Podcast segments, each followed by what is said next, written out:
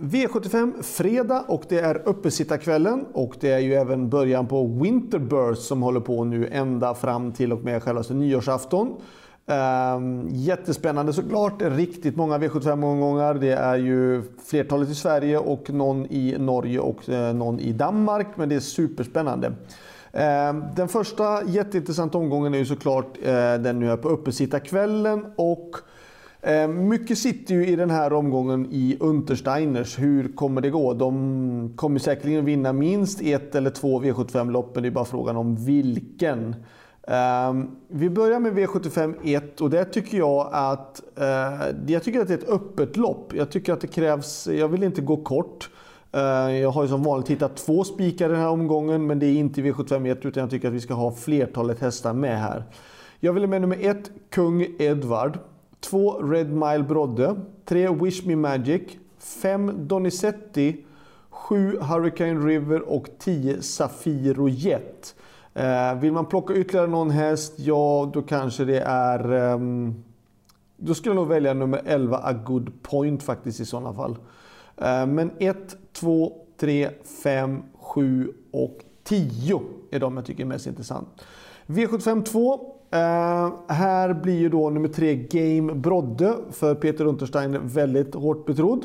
Uh, men jag vill gå emot. Dels för att jag har kört nummer ett Yellow V som har visat kanonform. Han var riktigt, riktigt bra senast uh, när jag vann med honom på Mantorp. Han är även bra två starter innan jag vann på Åby. Men han var väldigt bra senast och av den anledningen så tycker jag att man ska ta med honom i alla fall. Men också med tanke på att den här tre Game Brodde blir ju väldigt hårt sträckad. Så jag vill ha med nummer 1 Yellow V, 2 Lucifer Boko, 3 Game Brodde, eh, 5 Extreme AF och 10 That's So Crazy plockar jag också med. Eh, vi går till V75 3. 4 Etos Kronos är ju svår att veta.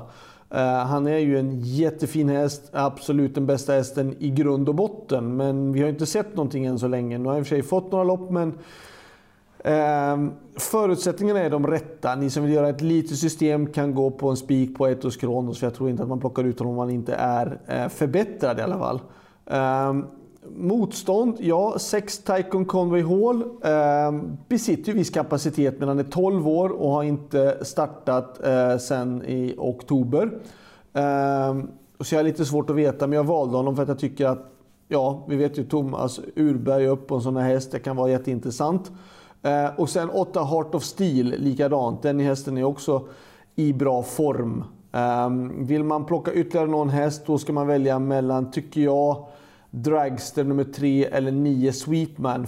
5 Dear Friend, hon är duktig absolut men det är rätt distans men hon var väldigt blek. Fick en tufft lopp visserligen i Volvega men ändå alldeles för blek.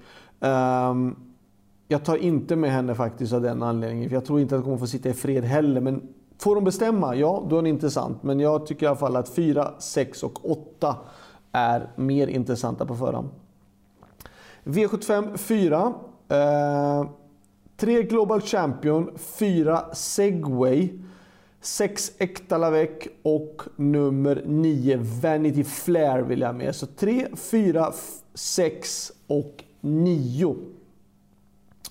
V75 6, då blir det spik på nummer 2 Lorenzo Bocco. Eh, visserligen lite intressant vad ett RK King kommer att göra, eller de andra här nu som kör lite grann från början. Eh, 6 Conte Prad tycker jag är en bra häst. Eh, men jag väljer att spika två Lorenzo Bocco, för jag tycker att han har utgångsläget. Jag tycker inte att det är ett superhårt lopp. Alla andra är väldigt jämnt spelade. Um, nej, men jag tycker att han är en bra spik faktiskt i det här loppet. Han är inte alldeles för hårt sträckad heller. V75 6, då är det då eh, Johan Untersteiner med nummer 3 Bicana Wine. Eh, och den är ju såklart mest sträckad i hela omgången och väldigt hårt betrodd. Eh, men jag, hästen ska gå med första gången med rycktussar kunna läsa i travronden. Och jag kan tycka att från ett perfekt utgångsläge, hästen har varit jätteduktig i tre starter. De andra hästarna har gjort eh, fler starter och tjänat eh, nästan mindre pengar ändå. Eh, så att jag kan tycka att de som står på start, jag tycker inte att de är så intressanta.